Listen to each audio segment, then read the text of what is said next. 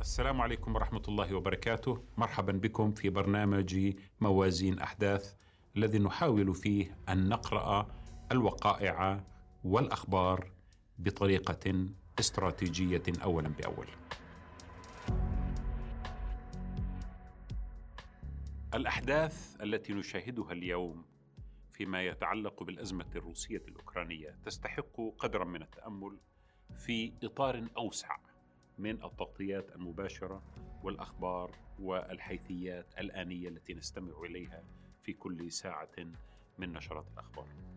الذي يحدث أمام أنظارنا هو مظهر جديد من مظاهر تغير النظام الدولي. النظام الدولي ولد بعد الحرب الباردة.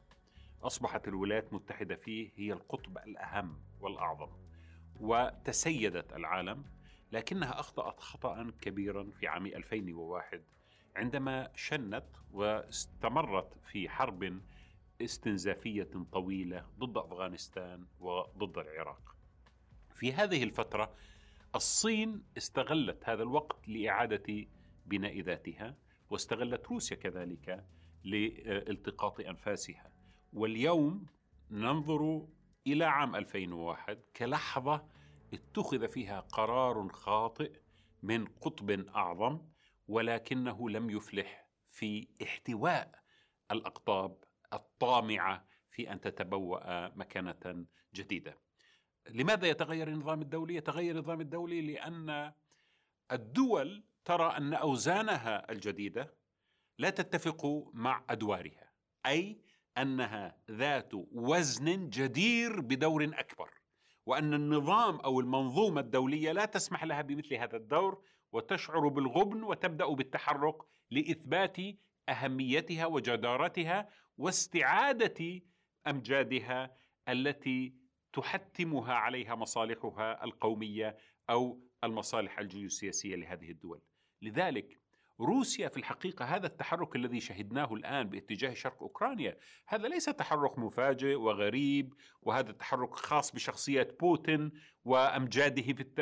أو اوهامه آه، في في مجد روسي، الحقيقة هذه ضرورات برأيي جيوسياسية بدأت منذ وقت مبكر منذ عام 2004 الناتو توسع باتجاه روسيا وهذا كان مقلق جدا لروسيا. في 2008 قام بوتين بحركته الأولى باتجاه شمال جورجيا ولم يستطع آه، النظام الدولي لم تستطع الولايات المتحدة ولا أوروبا أن تفعل شيئا جديرا بالاهتمام. فأدرك بوتين أنه قادر أن يقوم بخطوة أخرى. فقام مرة ثانية في 2014 و2015 بخطوة باتجاه شرق أوكرانيا. ثم وقعت اتفاقية مينسك التي أعطت شرق اوكرانيا أوكرانيا الحق في شيء ما من حكم الذات دون تدخل الدولة الأوكرانية بالعنف لحل هذه المشكلة. كانت اتفاقية مينسك هي البذرة التي زرعها بوتين من أجل أن يصل إلى هذه اللحظة، وهي لحظة الاعتراف بهذا الجزء من أوكرانيا ككيان منفصل يستطيع أن يطلب من الروس أن يدخلوا إلى أوكرانيا. بوتين يحتاج أوكرانيا ليس كدولة يهيمن عليها بشكل مباشر إنما يحتاجها مثل بيلاروسيا كدولة تابعة لمجال آه، روسيا الحيوي بعيدة عن المجال آه، الأوروبي آه، الغربي. وهذا شيء ستفعله روسيا سواء كان بوتين موجود أو بوتين غير موجود لأنه شيء متعلق بضرورات وجودية للأمن القومي الروسي الذي يريد أن يحمي نفسه من الطمع الحقيقة والتغول الأوروبي الغربي الأمريكي تحديدا باتجاه روسيا بشكل مستمر خلافا للتوقعات التي كنا أو الوعود التي كان الغرب قد قطعها لنفسه على بوتين. الآن نحن نشهد تغير أو مظهر جديد من مظاهر التغير في النظام الدولي وسيستمر. النظام الدولي عندما يتغير لا يتغير في يوم وليلة. يتغير عبر سنوات طويلة ولذلك ينبغي علينا أن نراقب هذه الأحداث وأن نضعها في ميزانها. روسيا تعود إلى عصر ما قبل الاتحاد السوفيتي، إلى روسيا القيصرية، تحاول أن تسترجع ذاكرتها التاريخية في أيام الإمبراطورية الروسية وتنظر إلى الخارطة الإمبراطورية كنقطة مرجع في تصورها للمستقبل. ربما تفعل دول أخرى ذلك. الصين قد تبدأ بالتفكير في تايوان لأن الصين أيضا لديها مصلحة في إشغال أمريكا بصراع في روسيا أو صراع آه، في تلك المنطقة لكي تستأنف وتستعيد مرة ثانية بناء ذاتها بعيدا عن الصراع مع أمريكا المباشر لأن الصين ذات نفس طويل وتريد أن تبني وجودها بشكل آه، بطيء آه، لا يتفق مع الضرورات الأمريكية المستعجلة دائما.